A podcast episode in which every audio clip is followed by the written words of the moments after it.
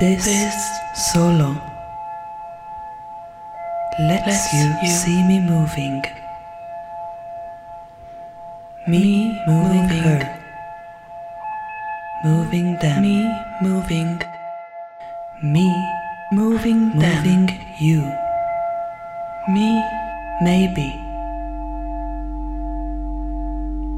Maybe. אריאל גלברט עומד בקריאה עמוקה בעומק החדר, וידיו מושטות קדימה כאילו הוא אוחז דבר מה. הוא מניח אותו על הרצפה בפעולה מאוד איטית וזהירה, ומתבונן בדיוק למקום שם נמצא המשהו. הוא מחליק אותו בין רגליו, מסובב אותו, מסתובב איתו, זורק אותו בזריקות קטנטנות, ולפתע זורק מעל הראש, מיד ליד, תופס שוב ועוצר. הוא עוצר את התנועה בפוזיציות שאינן מיועדות לעצירה, והכל תלוי על בלימה וטעון קינסתטית. הוא ואנחנו איתו. עכשיו כף יד ימין שלו מושטת קדימה כשפנים כף היד כלפי מעלה, ואני לא יכולה להימנע מלציין שכאילו מונח עליה דבר מה, ואני מנסה להבין מה. הוא מעביר משקל מרגל לרגל, עדיין הוא בתוך הפיסוק הגדול, מחליק עם שתי הרגליים מעט ימינה וחזרה, ושוב בתנועה מהירה מאוד, קופצנית, כמעט תזזיתית, מתקדם כך בקו אלכסוני קרוב מאוד לקהל שיושב לאורך הקיר של המרכז לאומנות עכשווית בתל אביב, ותוך כך זורק שוב בתנועה קשתית את המשהו הזה מעל ראשו, מיד ליד, כשמבטו מלווה את התנועה של האובייקט הנהדר. ואז, באופן לא צפוי, הוא מעביר אותו בתנועה סיבובית במסלול של שמונה מקדימה, ואז אחורה ואל מעבר לגב, רוכן קדימה כשכפות רגליו משנות לחלוטין את המגע ברצפה כל הזמן. ברגע הזה, הימנית מונחת על כל הלהב החיצוני שלה, והשמאלית רק על הכרית ליד הזרת, כלומר, מעט מאוד מגע. הוא מסתובב כך כמה סיבובים במהירות, כשכפות הרגליים מחליקות על הרצפה סביב הציר של עצמו, כשהזרוע הימנית, זו שמושטת קדימה, מובילה את התנועה. וכל הגוף מגיב ברזולוציות גבוהות ובאפקטים לא צפויים. לבסוף הוא זורק בתנועה ארוכה את המשהו לפינה הימנית הרחוקה של החדר ועומד ומתבונן אחריו ארוכות עד שלפתע נדמה שהחדר הוא ענקי, אולי ללא קירות בכלל. לרקדן אריאל גלברט יש החוט שאולי אפשר להגיד עליה שהיא חתולית, אבל לא במובן הקלישאי, אלא במובן של החתול צ'שר מאליסה בארץ הפלאות, שהחיוך שלו נשאר גם כשהוא כבר נעלם. אז הגוף שלו נוכח בכל מקום בחדר, וגם במקום שהוא כבר לא נמצא בו, ובנוסף הוא מביא לשדה הראייה שלנו הצופים גם חפצים ואנשים שלא נמצאים, אבל נוכחותם המדומיינת בהירה וחד משמעית, אולי אפילו מובלטת לנוכח היעדרם. מה הוא מחזיק שם? כדור? כד, רקדנית. הנוכחות המוכסרת הופכת לקוד המשחק של התנועה שלו ולמשחק ניחושים שלי. כן, זה בולט שהוא משחק. בזמן הווה, מדמיין ופועל, והדמיון שלו מפעיל את הדמיון שלי. אגב, האוסנסיה, כדאי להגיד, זה היעדר. זה היה תיאור של קטע מתוך העבודה האוסנסיה, כוריאוגרפיה של מאי זרחי בביצוע אריאל גלברט משנת 2021. ואת הטריילר של העבודה אפשר לראות באתר הפודקאסט שלנו, חיות מחול. This solo lets you see me moving. זהו הפרק השמיני בסדרת קוריאוגרפים מדברים. בפרק הקודם שוחחנו עם נועה ורטהיים ורינה ורטהיים קורן. דיברנו איתן על הגוף במרחב ועל התמסרות והתנגדות לגרביטציה כעל צירים מרכזיים בהפקת חומר תנועתי. היום אנחנו משוחחות עם מאי זרחי. כששאלנו אותה על חומר תנועתי, היא אמרה שזה רק מרכיב אחד מתוך פסיפס חומרי העבודה שלה, ואין היררכיה ביניהם.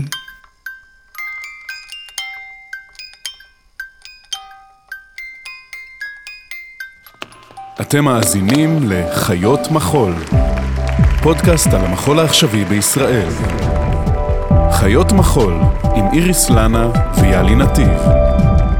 והפעם בסדרה הקוריאוגרפים מדברים, מאי זרחי, קוריאוגרפית ופרפורמרית, יוצרת עצמאית בספקטרום שבין עבודות בימתיות, תלויות מקום והשתתפותיות. מנהלת התוכנית הדו-שנתית לקוריאוגרפיה בכלים. לפרק זה תגיב בסיומו אביטל ברק, חוקרת תנועה ופרפורמנס, עוצרת אומנות במרכז לאומנות דיגיטלית בחולון, ומרצה בבית הספר למחול בסמינר הקיבוצים. עוד משתתפים בסדרה איריס ארז, תמיר גינץ, אורי שפיר, יוסי ברג ועודד גרף, ענת דניאלי, עמנואל גת, נועה ורטהיים ורינה ורטהיים קורן, יורם כרמי, רותם תש"ח, אמיר קולבן, נועה דר, ענת שמגר, אוהד נהרין. המוזיקה המושמעת בפרק כוללת מוזיקה מקורית, שנכתבה ליצירות של מאי זרחי, האוסנסיה ו-The Voices. היי יאלי. היי איריס, בסתיו 2021 יצאנו לפגוש יוצרות ויוצרי מחול, לדבר איתם על פרקטיקות קוריאוגרפיות, על איך עושים מחול. פגשנו אותם בסטודיואים ובבתים שלהם, שאלנו אותם מהו חומר תנועתי עבורם, ואיך הם חושבים על הקשר בין הגוף הרוקד והתנועה. היינו סקרניות להבין את תהליכי העבודה, או במילים אחרות, רצינו להיכנס אל מתחת למכסי המנוע של התהליך היצירתי. להיכנס לראש של היוצרים ולשמוע מהם על אופני הפעולה הייחודיים שלהם ועל מנגנוני היצירה שהם משתמשים בהם. במיוחד עניין אותנו לדבר על מה שכמעט ואינו מדובר, על התחלות של תהליכי יצירה. מה זה חומר תנועתי בעיניהם, ואיך מחשבות ודמיון מתרגמים לגוף, לתנועה ולפרקטיקות עבודה. מסתבר שיש מודלים שונים. כל אחת ואחד מהם מדברים על חומר תנועתי קצת אחרת, ופועלים אחרת. אבל אפשר לומר שהמשותף להם הוא שכולם מדברים על הקשר בין הגוף והתנועה. הגוף הוא המדיום של המחול, והיוצרים מדברים עליו כעל מקור מרכזי וכמשאב של החומר התנועתי, והמפגש עם הגופים של הרקדנים והרקדניות נחשב כמהותי בתהליכי ההפקה של חומר תנועתי. זה משותף לכולם. מכאן עולות שאלות על מקומם של הרקדנים בתהליך הפקת החומר התנועתי. האם הם מבצעים, פרשנים, שותפים יוצרים, ואיזה מקום ואיזה תוקף יש להם כאנשים, כבני אדם, סובייקטים, בתהליך היצירה הכוריאוגרפי. הסוגיות האלה מובילות באופן בלתי נמנע למחשבות נוספות על יחסי הכוח בין היוצרים לרקדנים ועל היררכיות ועל סמכות בתהליכי העבודה, שאלות שהכוריאוגרפים מתחבטים בהן לא מעט. להיכנס מתחת למכסה המנוע, כבר אמרנו?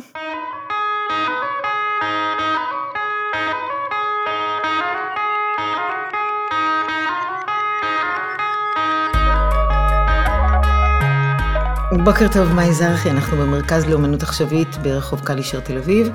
המקום של חומר תנועתי בעולם המחול, בעיקר בעת הזאת, הוא מורכב והוא מגוון. ואני רוצה לשאול אותך שם מין שאלה פתוחה כזאת. מה זה חומר תנועתי בשבילך? חומר תנועתי בשבילי הוא, דבר ראשון, הוא חלק מתוך פסיפס רחב שביחד מרכיב את העבודה שלי.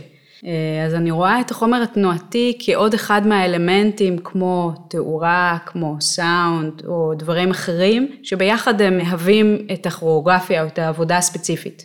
ואז בהתאם לעבודה המסוימת, אה, יש משקלים שונים ביחס לאלמנטים השונים. אז החומר התנועתי שלי הוא תמיד אה, מנוסח על ידי עקרונות מסוימים, יותר מאשר על ידי צעדים מסוימים, שמתהווים תוך כדי תהליך אה, של שהות משותפת עם השותפים או השותפות שלי לעבודה. אני אשאל אותך על המשקלים השונים. תני לי את זה במספרים. נגיד עבודה כמו Untitled שעשיתי ב-2019, בדיוק בחלל שאנחנו יושבות בו כרגע, במקלט לאומנות עכשווית בתל אביב, היה משקל מאוד מאוד גדול לתאורה בעבודה הזו, לחומר התנועתי ביחס לתאורה, וביחס לסאונד, שהיה האלמנט השלישי המאוד מאוד משמעותי בעבודה. אז בוא נגיד זה היה 33, 33, 33, לצורך העניין. ונגיד בעבודה הספציפית הזו, החומר התנועתי הוא פותח ממש ביחס לשני האלמנטים האחרים. והתהליך הכוריאוגרפי היה באמת לנפות את החומר התנועתי שהרגשתי שאין לו צידוק ביחס לרעיון שבו אני, איתו אני מתעסקת, או לכיוון שאחריו אני עוקבת בעבודה, ולאלמנטים השניים, לסאונד ולתאורה. אז הרעיון, או מה שקראת כיוון, כן. הם אלו שמכתיבים את הגזרה. כן. ואת תמיד עובדת עם שותפים? אני חושבת שכן. רקדנים? לא רק רקדנים, בעבודה אנטייטל עבדתי עם אלעד ברדס, שהוא מוזיקאי, בעבודות אחרות אה, עבדתי עם מיכל אופנהיים, אמנית קול, ועבדנו עם עוד שותפות אה, רקדניות וזמרות ב-The Voices. אז uh, האלמנט האנושי בעבודה שלי הוא גם מן ה-bread and butter של איך שאני תופסת את העבודה הכוריאוגרפית שלי. שמשהו גם בזה שהיא תמיד מבוססת אינטראקציה עם מישהו אחר או מישהי אחרת, זה כבר מוליד את החומר התנועתי שהוא במהותו גם אנושי או מבוסס על גוף. שאלה טכנית של טרמינולוגיה. כן. איך את קוראת להם? את הכוריאוגרפית, לך קוראים כוריאוגרפית והם אומנים שותפים, רקדן יוצר, איזה מהטרמינולוגיות את משתמשת? מעניין שאת שואלת, כי אני מתעסקת בזה כבר הרבה זמן. אה, וזה גם מאוד תלוי מקרה, אז גם יש שותפים יוצרים או שותף יוצר, שותפה יוצרת, וגם בהקשר של אה, מבצעים, רקדנים, רקדניות, אה, אני מאוד אוהבת ביני לבין עצמי להשתמש במושג של אנטרפרט, שבא מצרפתית, שזה מפרש בעצם, mm-hmm. הפרשן. ואני חושבת שזה מאוד בא אה, בתאימות, אה, מתואם עם האופן שאני תופסת את מה החומר התנועתי. כי הוא לא ביצועיסטי, במובן הזה שאין צעדים שצריך לבצע, הוא, יש שם עקרונות והאלמנט או המימד של הפרשנות של הרקדן או הרקדנית הוא נורא נורא משמעותי והוא מה שגורם לחומר להיות משהו בכלל. אם אנחנו לוקחים את זה עוד שכבה, כן. אז אין קומבינציות. לא. רק להבהיר. נכון. אוקיי, זאת אומרת, יש עקרונות שהפרשן או הפרשנית מגלמים. נכון. או ממלאים, או איך את קוראת לזה? הם אה, עובדים איתם, הם עובדים איתם, הם מגלים אותם, הם נענים להם, הם חייבים להישמע להם.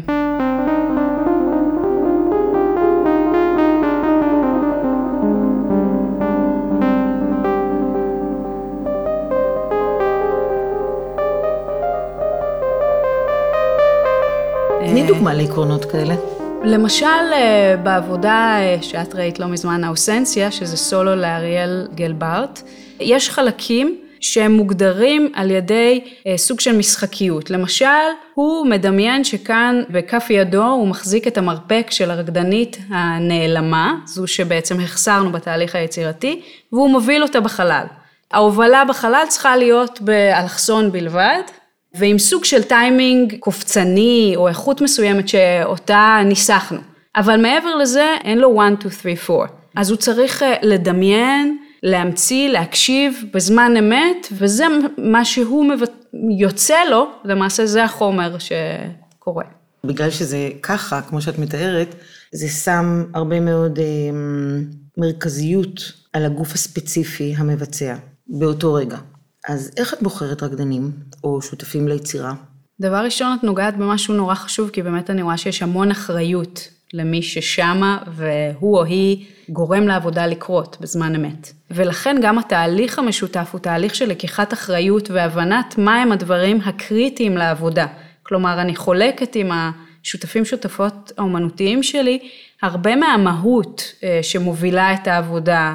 אנחנו גם מדברים על דברים, אה, קוראים דברים אה, שקשורים אה, לאזור שבו אנחנו מתעסקים ומתעסקות. כך שכשהוא או היא ניגשים לבצע את העבודה או להיות מול קהל, אני רוצה שהם ירגישו what is at stake, כאילו עם מה הם עובדים, מה חשוב כאן. ותוך כדי להרגיש שהם לא ממלאים אחר הוראות, אלא יש להם אה, מימד של תחושת אה, agency. אה, סוכנות? סוכנות. שליחות? שליחות, כן, ברמה של אחריות. הפעולה שלהם עושה דבר בעולם. זה לא שהם ממלאים אחר, אלא בעצם המערכת יחסים שלהם עם הכוריאוגרפיה היא שהם מעל, מעל הכוריאוגרפיה. הם לא מתחת לכוריאוגרפיה ונענים לה, הם מעליה. והם במערכת יחסים איתה, הם מדברים איתה, הם משחקים איתה, הם עושים לה teasing, אבל הם לא תחתיה, וזה נורא חשוב לי. והרבה פעמים במצבים אה, רגשיים ומנטליים אה, ירודים, מה שקורה לרקדן או לרקדנית, כולל אני כשאני מופיעה, זה שאני יורדת מתחת לכוריאוגרפיה. והמון מהתרגול אני מרגישה של להופיע, הוא להבין איך אני מעלה את עצמי מעל. שזה גם דברים שאת יודעת, קשורים לפסיכולוגיה ו... זה ממש מעניין ההיררכיה הזאת שאת מייצרת. איך את ככוריאוגרפית מחוץ לדבר, כשאת רואה את זה מתבצע, את הדיאלוג הזה בין הפרשן לכוריאוגרפיה? אני גם מגלה שאני נורא נורא אמפתית תנועתית. תמיד אנשים שאני עובדת איתם אומרים לי כמה שאני זזה כשאני צופה בהם רוקדים. אז אני מאוד איתם באיזשהו אופן, ואני חושבת שדרך האמפתיה הזו אני מנסה להבין גם איך אחר כך אה, לעבוד עם זה ועל זה, מה, איך להגיב, מה להגיד. כל האזור הסמנטי של בכלל איך לתקשר עם מי שעובדים איתו ואיתה זה משהו מאוד מאוד מורכב שנראה לי הוא אינסופי. ויש כוריאוגרפיות שעשו קריירה על באמת העניין הטרמינולוגיה, נגיד מק סטיוארט זה ידוע שהאופן שהיא מנחה את הרקדנים והרקדניות הוא כל כך סתום, ושמה זה בדיוק האוצר הגלום, איך לפרש את מה שהיא אומרת לכדי משהו שגם מתועל לאותו כיוון שאליו היא חותרת, סתם לדוגמה.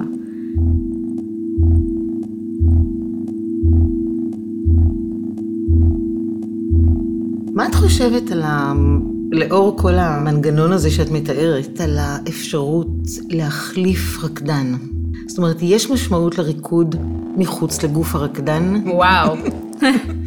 תראי, היו לי מקרים שאני החלפתי רקדנית שלא יכלה. ואז באמת זה מערכת יחסים אחרת, כי זה לא רקדנית אחרת כלשהי שנכנסת, אלא אני, שאני כל כך מכירה וכולי, למרות שגם אני זה מורכב, כי כוריאוגרפית שמבצעת את העבודה שלה זה לאו דווקא הכי נכון או מדויק, כי גם שני הכובעים הם שונים. עניין הקאסטים תמיד היה לי מורכב, אפילו כשעבדתי עם המסלול הכשרת רקדנים, אה, לא מעט, ותמיד יש קאסטים, המחשבה הזו שהרקדן הוא משהו שאפשר להחליף אותו במישהו אחר, בבסיסה היא קשה לי, כי אני מרגישה שהיא מנוגדת למשהו באמת של איזה תהליך, של יחסים, ושיש משמעות ליחסים. אה, וההחלפה הזו, כשהיא נורא נורא, יש בה אלמנט של אה, קלות בלתי נסבלת, היא קשה לי, והיא קצת כמו copy-paste כזה, אנחנו כבר נורא מהר אה, מחליפים ומדביקים. מצד שני, אני חושבת שיש ערך גדול מאוד ללהיכנס לעבודה, לללמוד מהר עבודה של מישהו או מישהי אחרת. נחזור רגע לשאלה על הריקוד שמגולם בגוף ספציפי. נראה לי שזאת שאלה מאוד קריטית בעולם המחול. נכון. באמת הקונבנציה שאפשר להחליף רקדן, ושהוא לומד מחיקוי, ושהוא לומד צורות. נכון. הקונבנציה של עולם המחול, שלפיה, כמו שאמרת, כל אחד אפשר להחליף אותו, ויש צורה, ואני מכבדת צורה, וגם בצורה יש תכנים ואינטליגנציה וידע עמוקים ורחבים.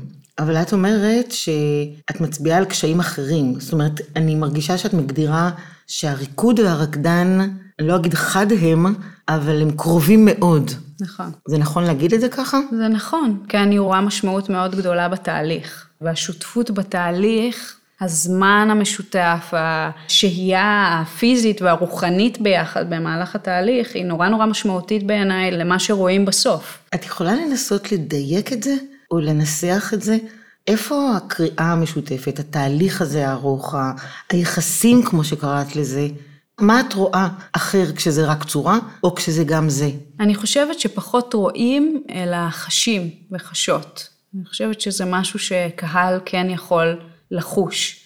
כשיש תהליך אה, עמוק, אבל יותר מזה אני לא יודעת, אבל אני, אני מאוד מאמינה שאנחנו רואות שהבמה ומה שמתחולל עליה הוא פן מסוים שהוא בעצם חושף שלבים אחרים בעבודה, ושאנחנו רואות את זה, אנחנו מרגישות את זה. אה, אנחנו רואות איזה מערכי כוחות מצויים מאחורי עבודה מסוימת, בין אם זה במודע ובין אם זה לא. אני חושבת שהעבודה שאנחנו צופות בה של להקה, יש תחושה אחרת לגמרי מאשר אה, עבודה של פרילנסר. התנאים שבהם מתקיים התהליך, הם באים לידי ביטוי בסופו של דבר גם בתוצר. וזה מאוד רחב וכללי מה שאני אומרת. זה ברור, למשל אם לוקחים עבודה של מרס קנינגהם, שביצעה להקה שלו, כשמבצעת להקה אחרת. ברור. שזה הדבר שהוא גם לא הרשה, בסופו של דבר. נכון. בדיוק לאחרונה אני הייתי בברלין, חזרתי לפני כמה ימים. וראיתי שיש סיור של אה, עבודות של פורסייט מבוצעות על ידי רקדנים שעבדו איתו בלהקה, עוד כשאני הייתי גם אסיסטנטית שלו לתקופה מאוד קצרה.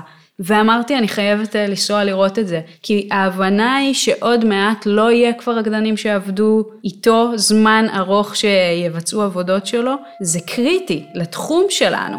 ושלגופים האלו יש ידע ואינטליגנציה ואינסייט לתוך העולם, נגיד הכוריאוגרפי שלו, וזה בא לידי ביטוי באופן שהם יבצעו את העבודה. Moving them, me moving, me moving them, moving you, me maybe, maybe. בואי נחזור לחומר תנועתי. כן. את יכולה להגדיר את גבולות הגזרה שבה את מסתובבת, או שבה את יוצרת? את לא עושה בלט קלאסי. לא. אוקיי, יש עוד דברים שאת לא עושה, אבל הייתי רוצה להגדיר את זה, הייתי רוצה להגדיר את הגזרה שבה את עובדת באופן פוזיטיבי, לא באופן, כאילו להגיד מה את לא. כן. אני חושבת שהחומר שלי, או לפחות הפרקטיקה הגופנית שלי, מאוד אה, מבוססת על תרגולים סומטיים, על אה, פיתוח רגישות פיזית, על פרקטיקות כמו פלדנקרייז ו-release, טכניקות גוף עכשוויות, בוא נגיד. ומשם זה מאוד תלוי גוף, תלוי נושא סלש כיוון, כמו שאמרתי קודם, של העבודה הספציפית, ואיזה אסתטיקה אני מחפשת. מי זה השותפים והשותפות שלך ליצירה? מה את מחפשת שהם ידעו? איזה ידע מקצועי צריך להיות להם? זה גם תלוי עבודה ספציפית. אני מאוד מחפשת אה, אנשים פתוחים וסקרנים, שהקטגוריות שמולם הם אה, מתמודדים הן לא קשיחות. כלומר, גם התפיסות המדיומליות שלהם, של מה זה מחול, מה זה מוזיקה, חייבות להיות אה, גמישות ופתוחות, מבחינתי. כי המרחבים שמעניינים אותי הם המרחבים בין לבין, הם המרחבים לימינליים שבהם אני לא יודעת אם זה מחול לגמרי, אני לא יודעת אם זה מוזיקה לגמרי, אני שואלת שאלה על מהם גבולות הגזרה. ואני מאוד אוהבת לעבוד עם אנשים שיכולים לחלוק סוגי שאלות דומים, גם אם לא מסכימים. זה לא, לא חייבים להיות אה, תמימי דעים, וזה לא מעניין אותי להיות יסמנים, אה, אבל, אבל אה, להיות סקרנים על ידי שאלות שכאלו. ואת לא עושה אודישנים. לא.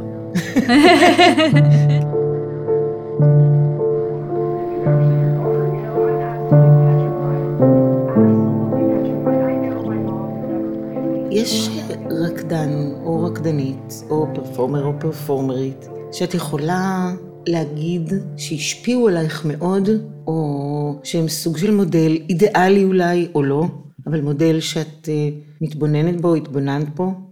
אני ממש מעריצה רקדנים ורקדניות, באמת. אני כל כך אוהבת לראות uh, תנועה טובה. אני חושבת שזה באמת אחד מהדברים הכי מדהימים שיש. ושהסקילס שרקדנים, רקדניות ממש טובות יש להם, אין לזה מילים. יש שם אה, אינטליגנציה פיזית ורגישות והקשבה ותרגול יומיומי, לא רק בקטע שרירי פיזי, אלא באמת בקטע של אה, סוג של אה, הקשבה אנרגטית ואפשרות to channel דרך הגוף שלהם אינפורמציה. אז היו לי רגעים נורא משמעותיים בלראות אה, רקדנים ורקדניות אה, זזים באופן מדהים. באמת התקופה שעבדתי אצל פורסייט הייתה לי נורא נורא משמעותית מבחינה זאתי, כי רמת השכלול הפיזי שמה הייתה כל כך גבוהה. ואז מעבר לווירטואוזיות יש באמת איזה אפשרות לחשוב פיזית ולהנדס מהלכים באופן אה, מיידי. סופר קשוב, מהיר. זאת הגדרה נורא יפה של רקדנות.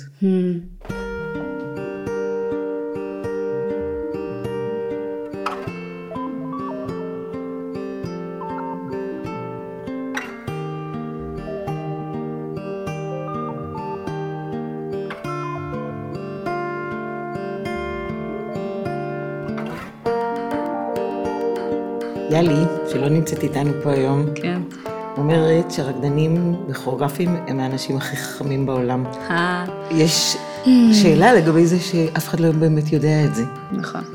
אני מאמינה שלכלים האלו של ריקוד ושל כוריאוגרפיה, יש כל כך הרבה ערך במקרו, פשוט גם יש משהו, בגלל זה אני חושבת שזה נורא חשוב שאתם עושות את הפודקאסט הזה, ובכלל לדבר על מחול, כי יש איזה באמת אה, פער נורא גדול בין סוגי הידע שמתחוללים בתוך הסטודיו ובתוך הגוף, אה, למול העולם, החברה, הפוליטיקה, אבל שהמון כלים שם, אני מרגישה שיש בהם ידע עצום, הוא פשוט לא מוכר, אין לו את הסטטוס של, אה, את הסטמפה, כי זה גם לא מביא כסף, וזה לא ככה, וזה לא ככה, וזה לא ככה. זה לא יושב טוב בתוך עולם הערכים הנאו-קפיטליסטי. לא, מאוד לא. זה הפוך, זה חתרני לגמרי, זה בדיוק אה, חותר תחת כל הזמן. אולי mm-hmm. בגלל זה זה עוד יותר אה, מוחצים את זה. Mm-hmm. בדיוק בגלל זה. כן, שאלה שמעסיקה אותי הרבה, הפער הזה. בעצם גם אחת המוטיבציות שלי בכלל, לא רק לפודקאסט הזה. אבל חשבתי על זה לאחרונה, שכל הדברים במימד הפיזי בעצם לא מקבלים באמת אה, ערך. גם אה, פועלי בניין לצורך העניין. אבל ספורט כן. ספורט כן, כי יש בזה באמת מימד ספקטקולרי ברמות... תחרותי. אה, כן, תחרותי, גברי, כלכלי, כן. גברי. אה, מדיד. אנחנו בלתי מדידים. לא, נכון. מעניין. אולי אני אשאל אותך על המנגנון פיתוח של התנועה. אם יש כזה דבר, איך מפתחים את הדבר הזה? הם בטח עושים אימפרוביזציות. כן. אז גם חלק מהמנגנון זה בכלל עבורי להבין איך אני מנחה. לוקח לי זמן אה, של ניסיונות של להנחות לתוך אימפרוביזציה, כדי שהיא תהיה מספיק ספציפית, כדי שאני ארגיש שממנה אני יכולה לזכך עיקרון בכלל. אז זה איזה ללוש בחומר די הרבה זמן. יכולת לתת דוגמה אחת?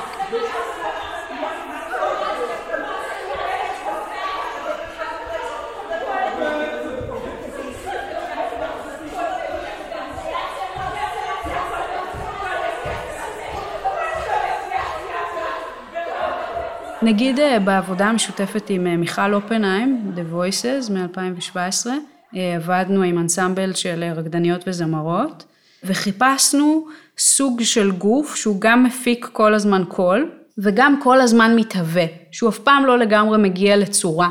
ולקח המון המון זמן להבין איך לעשות את זה, עד שבעצם אני הבנתי שממש צריך להתרכז על החלק גוף העליון, על הטורסו.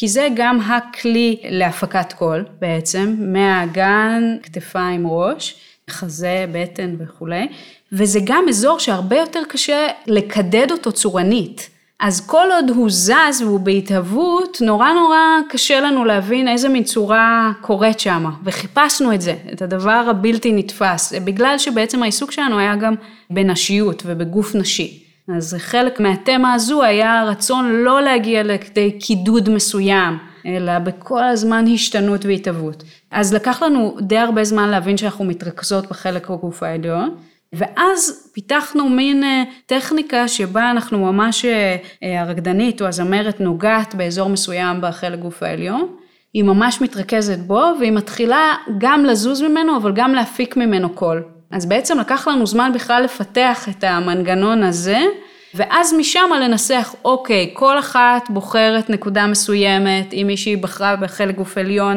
אה, בחזה, השנייה תבחר יותר בבטן, יש כלומר מימד של הקשבה ביניהן, אחר כך אנחנו מסופות את עניין של טיימינג, כמה זמן הן שוהות באזור מסוים, איך הן מקשיבות, יש אה, אלמנט של עיקרון ביניהן, איך הן מקשיבות גם מבחינת הטיימינג של מישהי אחרת, אם היא התקדמה יותר מהר, איך הן מגיבות לזה, יש את המימד של הספייס, איזה מרחק הן צריכות להיות אחת מהשנייה תוך כדי, אז הן צריכות להיות סופר אלרט. והחיפוש להיות סופר אלרט הוא באמת כדי לא להירדם לתוך איזה סטפס. של אני יודעת ממש טוב את המופע, לא, אני רוצה שכל הזמן זה יישאר באיזה חיות כדי שאני כצופה מאוד אוהבת לראות תנועה שאני לא יודעת לגמרי כמה חזרו עליה לפני כן. והתחושה של טריות, של רעננות, היא נורא נורא מרגשת אותי, שאני מרגישה שיש לה הופעה חיה באמת מימד של ערך רציני, שאני רואה את זה מתהווה מולי עכשיו, ואני רואה את אה, מי שמבצעת את זה, שהיא חושבת והוגה את זה בזמן אמת. ולא, שוב, לא מצייתת, אלא הוגה את זה בזמן אמת. דריכות. דריכות, כן. וואי, זה ממש מעניין. מעט אנשים יגידו את הדבר הזה שאת אומרת. באמת? כן.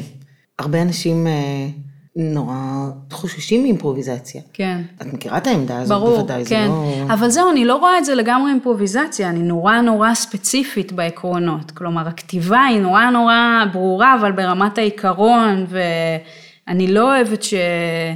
רקדנית מאבדת את עצמה ומתמסרת לגמרי, כאילו זה החופש, הוא לא מעניין אותי כערך כשלעצמו, אלא בתוך הקשבה לכל מה שדיברנו עליו. בתוך כל הכורים. כן, בתוך כל הכורים.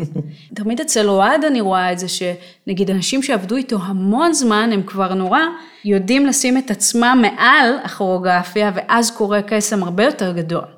אני לא מרגישה אותם רוצים להיות נורא טובים, או את העיניים האלו מחפשות את ה... להרשים, או להצליח, או לא, זה... הם יודעים שהם יודעים. ומשם אפשר למצוא את היופי, את המימד של הסינכרון בין האני לבין אה, הדבר שאני ביחס אליו, הטקסט, בוא נגיד.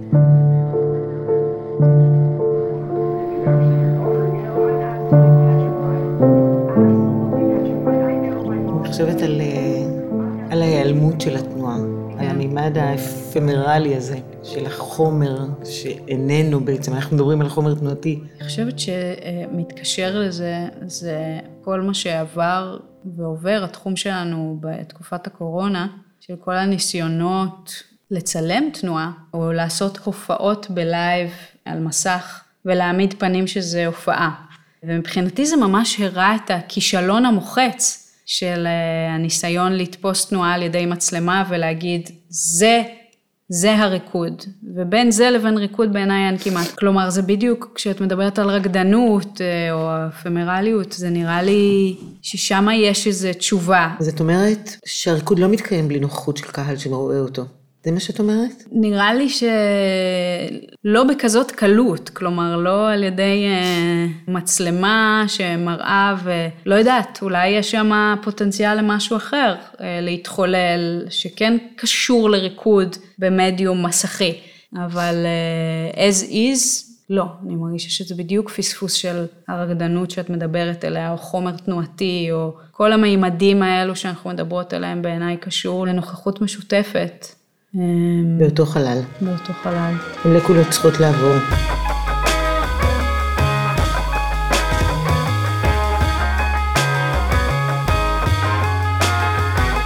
מה את עושה בבוקר? בבוקר אני עושה, אמ, יש לי איזה sequence כזה של אה, שקשוקים שלי. שמאיפה הם? הם ממש, אה, אספתי המון דברים, המון זמן. אז הם גם אה, מפרקטיקות, גם של טיפולים שקיבלתי, אבל גם של פלדנקרייז, כל מיני תרגילים וככה, ובדרך כלל אני מובילה את זה לתוך יוגה. יוגה איינגר? ויניאסה. ויניאסה. כל בוקר. די כל בוקר, כן. רקדנית.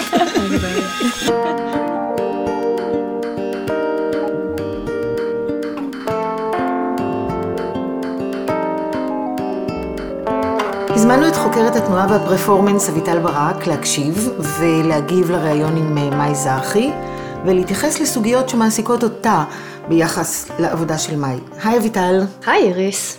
אחד הדברים שמאי מדברת עליהם הוא מרחב הביניים. זה מושג שלא פשוט להבין אותו. איך את רואה אותו? תראי, מרחבי ביניים הם אותם אזורים של מפגש. בהקשר של השיחה שלנו והעבודה של מאי, מפגש בין מדיומים שונים, בין אנשים שונים. אפשר לחשוב על מרחבי ביניים גם כעל אזורים בהם דברים מתקיימים בו זמנית, וגם כעל אזורי גבול. למה הכוונה? מאי מדברת על היצירה שלה כמפגש ראשית בין אנשים שיוצרים יחד מנקודת מוצא שוויונית. מפגש שבא לידי ביטוי גם במדיומים, כלומר של הגוף הנע, הסאונד והתאורה, נגיד כמו בעבודה של ה-Untitled, שהיא מדברת עליה בריאיון. מרחב הביניים בהקשר של ה-Untitled יהיה החושך, בו נפגשת התנועה של הרקדנית עם גוף התאורה שהיא מחזיקה, והסאונד של הנשימה. כלומר, מהבחינה הזו, מרחב ביניים הוא גם מרחב גבול מדיומלי. מדיומים נפגשים ומתערבבים, המובהקות של כל אחד מהם מטשטשת. אבל בכל מופע בימתי קיימים כל המרכיבים האלה. מה ייחודי ביחסים האלה אצלה? זה נכון. אבל מאי עובדת אחרת עם מכלול המרכיבים. היא מנסה לתת להם מקום שווה ביצירה, ויותר מזה, היא משאירה מרווחים ביניהם, או קצוות פתוחים. אם נחזור לרגע למרחב הביניים, כמו שאמרנו, היא מנסה להשאיר את אזור הגבול חי, לאפשר למדיומים להתקיים יחד ובו זמנית. את יכולה לעגן את זה בעבודה שלה? ברעיון היא מדגישה עד כמה החומר התנועתי הוא רק מרכיב אחד בין שלל mm. המשתנים המרכיבים את היצירה שלה. כמובן שאפשר לומר שבכל יצירת מחול יש מפגש של תנועה, סאונד ותאורה, כמו שאמרת רגע, אך בדרך כלל המרכיבים האחרים באים לשרת את המהלך התנועתי. אצל מאי יש מפגש שוויוני בין המרכיבים האלה, וזה מפגש שלא מחפש הכרעה או היררכיה, הוא מנסה להישאר במצב ביניים שבו המשקל או החשיבות נע בין המרכיבים האלה, והמוקד הוא היחסים ביניהם, או אולי יותר מדויק, המוקד הוא היחסים עצמם. כלומר, כשאני מדברת על מרחב ביניים, אני מתכוונת גם למרחב שהוא הקוריאוגרפיה עצמה, וגם למפגש בין השותפים, שמתאפיין בנזילות וחוסר יציבות, ועל כן קיים בו פוטנציאל יצירתי. Mm-hmm. עכשיו תהיי סבלנית איתי עוד רגע, למרות ההפשטה, אוקיי? המרחבים האלה, שמתפקדים כמרחבי גבול מכל מיני סוגים, מעניינים אותי במיוחד. כי יש פוטנציאל שמתאפשר רק במרחב גבול, מרחב ספי, שבו מסתיים משהו, מגיעים לקצה של הטריטוריה. עכשיו, זה לא פשוט בכלל כמובן. יש משהו לא יציב במרחבי הביניים מעצם טבעם. מתקיימים בהם כוחות שהם הרבה פעמים מנוגדים או סותרים, מושכים לכיוונים שונים. ואיך זה בעבודות של מאי? אני חושבת שמה שמיוחד בעבודה שלה זה שכקוריאוגרפית היא מוותרת על העמדה של היוצר בה"א הידיעה, על עמדת האוטור. אמנם כיוצרת היא עובדת עם קודים וכוונות מאוד ברורים, אבל היא מאפשרת לעצמה ובטוחה בעצמה מספיק לאפשר לכל מי שעובד איתה את החופש לפרש אותן לא רק מתוך נאמנות כלפיה וככלי לקוריאוגרפיה שהיא מדמיינת, אלא מתוך חירות יצירתית. בתהליך היצירה היא לא מפחדת שהסאונד או התאורה ישתלטו על הסקור התנועתי. מכך יוצא שאין קדימות לתנועה ואין קדימות לסאונד או לתאורה. יש מפגש שהוא מבוסס על אלתור, שהתוצר שלו הוא היצירה. כלומר, גם היצירה כמופע בימתי בהקשר של מאי היא זירה. היא עצמה מתפקדת כמרחב ביניים. מאי נותנת לקהל זירה להתבוננות, וכמובן גם לי כחוקרת. וזה מחבר אותי אה, לזה שאני עוסקת הרבה מאוד במרחבי גבול, מכל מיני סוגים. חלק מרכזי ממה שמעניין אותי במרחבי הגבול האלה קשור באפשרות של כל מיני מחוות לעלות על פני השטח.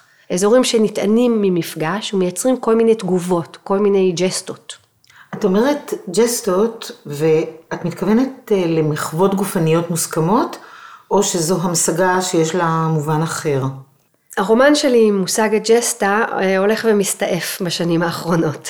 באומנויות הבמה, המחול והתיאטרון, לג'סטה תפקיד מאוד חשוב, שמבוסס על קונבנציות, אנחנו יודעות את זה. במובן הפשטני ביותר, הג'סטה הגופנית במחול יכולה להיות מסומנת כאבני הבניין של הקוריאוגרפיה, שדרכן מסופר הסיפור. אבל אם נלך לשימוש קצת יותר מורכב במושג הג'סטה והתפקיד שלה נגיד בתיאטרון האפי של ברכט, שזה גם כן מאוד ידוע, הג'סטה היא רגע של הפרעה, של קטיעה, של הרצף הנרטיבי. יש לה תפקיד של הצבעה, היא רגע ביקורתי שמייצר הזרה. כלומר רגע שבו הנרטיב, הסיפור, נקטע, והקהל נדרש לעשות איזושהי הכרעה, לעבור מעמדה של צופה פסיבי לנקיטת עמדה אקטיבית. אני אתן לך דוגמה מאוד מוכרת המסבירה מהי ג'סטה בעזרת ולטר בנימין. בטקסט שלו על התיאטרון האפי של ברכט, בנימין מתאר את רגע כניסתו של הזר לבית, בדיוק כשהאם עמדה להטיח פסל ברונזה על ראש ביתה, והאב עמד לפתוח את החלון כדי לקרוא לשוטר. ברגע הזה הזר מופיע בפתח. תמונה דוממת. הרגע הזה של העצירה פותח מחדש את כל האפשרויות. הסצנה מתאפסת, הכל יכול לקרות. יש תפנית דרמטית בעלילה, וזה התפקיד של הג'סטה, כמנגנון, ככלי פדגוגי ונרטיבי, כלי להנעת העלילה.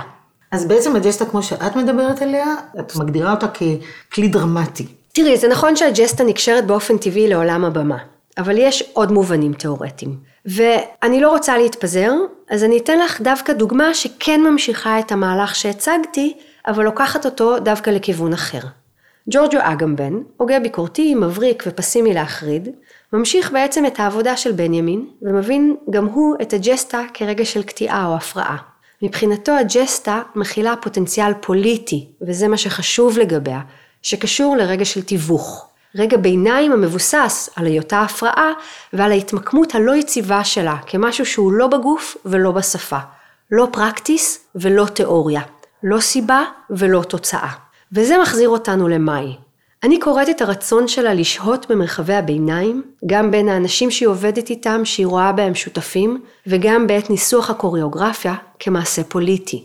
אז מרחבי הביניים שאיתם התחלת, מייצרים אפשרות לג'סטות שהן הפרעות עם פוטנציאל פוליטי. את יכולה למקם את זה בעולם? אה, בואי ננסה. למפגש לא היררכי של מדיומים יש משמעות פוליטית בכמה רמות, בעיניי. במובן הפשוט ביותר, בעולם שכל כולו מבוסס על מי חזק ומי חלש, מי נחשב ומי לא, זה מעשה פוליטי לייצר סיטואציה שמנסה לשמור על מעמד שוויוני בין גופי ידע, ועל האפשרות להישאר במקום לא יציב. כלומר, זה כשלעצמו הוא מעשה פוליטי ראוי. בנוסף, זה הולך כנגד חוקי הז'אנר של המחול, שבשכבת העומק שלהם יש הנחת יסוד של היררכיה, הקוריאוגרפי הוא יוצר, האוטר, וגם, ולא פחות חשוב, יש מערכים כלכליים שכולנו נענות להם במידה כזו או אחרת.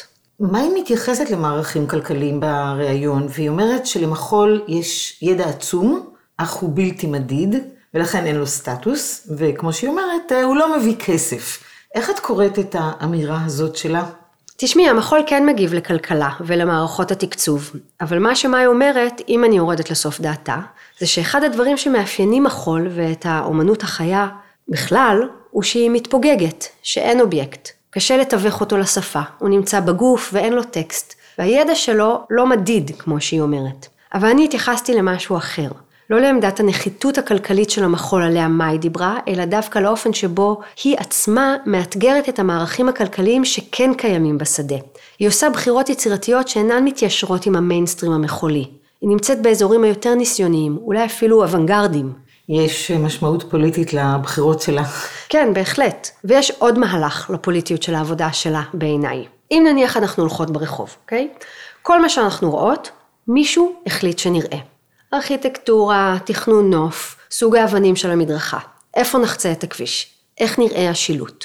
כלומר המבט שלנו הופך לסוג של סוכן של מי שהחליט מה אנחנו רואות. עבורנו. עבורנו, בדיוק. עכשיו, כלומר זה לא ניטרלי, אין שום דבר ניטרלי mm-hmm. או טבעי. הכל נעשתה שם הבחירה על ידי אנשים. עכשיו, נניח שאני הולכת עם אוזניות ושומעת פודקאסט על ההיסטוריה של המקום. השמיעה מאפשרת לי לחוות את המרחב גם מבעד להיסטוריה שלו, כדוגמה. גם אם היא כבר לא קיימת, ואני מוזמנת לדמיין אותה. כן, אז על הפער הזה שבין הראייה והשמיעה מבוססים כל הסיורים הקוליים, זה המנגנון שנמצא בלב שלהם, שהם כמובן מאוד טרנדיים, ודרך אגב גם למאי עצמה יש עבודה כזאת שהיא עשתה בשוק לוינסקי.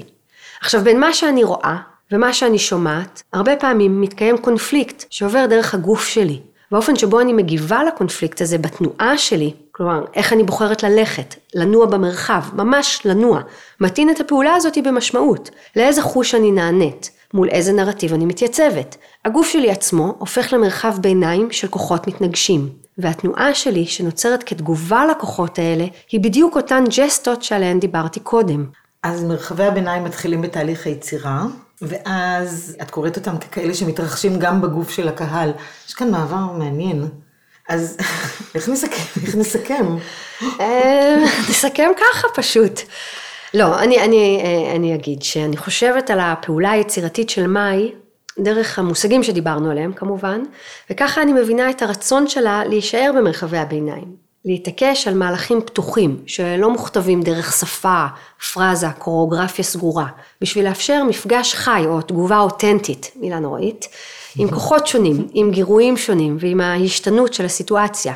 כלומר, דווקא מתוך ההיכרות העמוקה שלה עם המחול והמוסכמות שלו, היא בוחרת בדרך אחרת, שהולכת הרבה פעמים כנגד המוסכמות, שמפרקת אותן, ושמן הסתם משפיעה גם על התהליך של היצירה עצמה, וגם על המופע שנוצר בסופו של דבר, ומן הסתם גם על הקהל, והאופן שבו הוא חווה את המופע הזה. תודה, אביטל. תודה, איריס.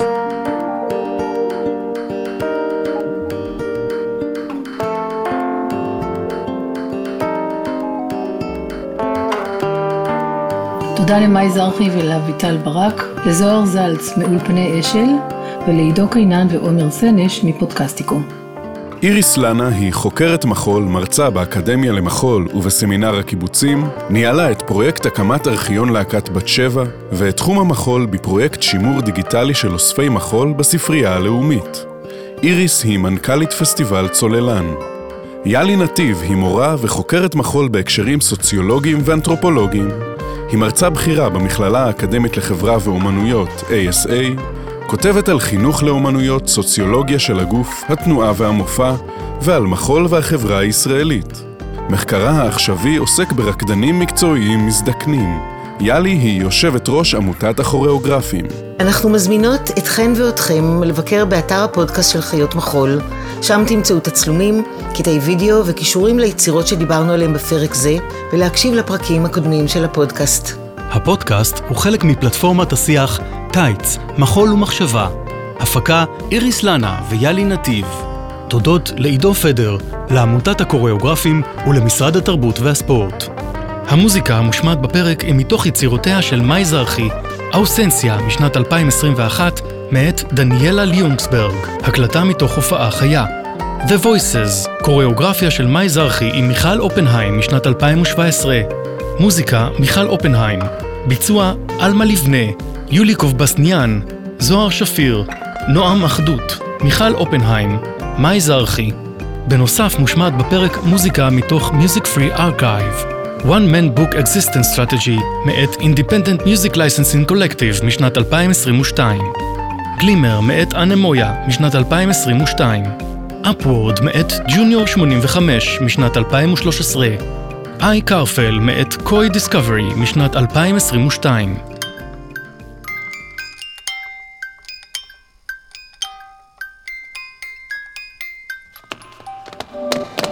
האזנתם ל"חיות מחול" עם איריס לנה ויאלי נתיב.